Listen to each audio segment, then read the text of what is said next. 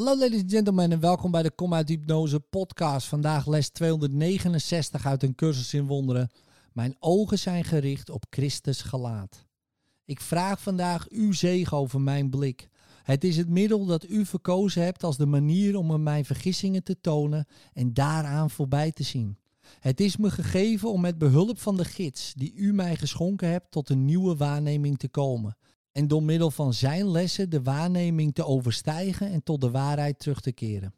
Ik vraag om de illusie die alle illusies te boven gaat die ik heb gemaakt. Vandaag kies ik ervoor een vergeven wereld te zien, waarin een ieder mij het gelaat van Christus toont en me leert dat wat ik zie mij toebehoort, dat er niets is behalve uw heilige zoon. Vandaag wordt onze blik waarlijk gezegend. We delen één visie wanneer we het gelaat zien van Hem, wiens zelf het ons is. Wij zijn één vanwege Hem die de Zoon van God is, vanwege Hem die onze eigen identiteit is. In liefde, tot morgen.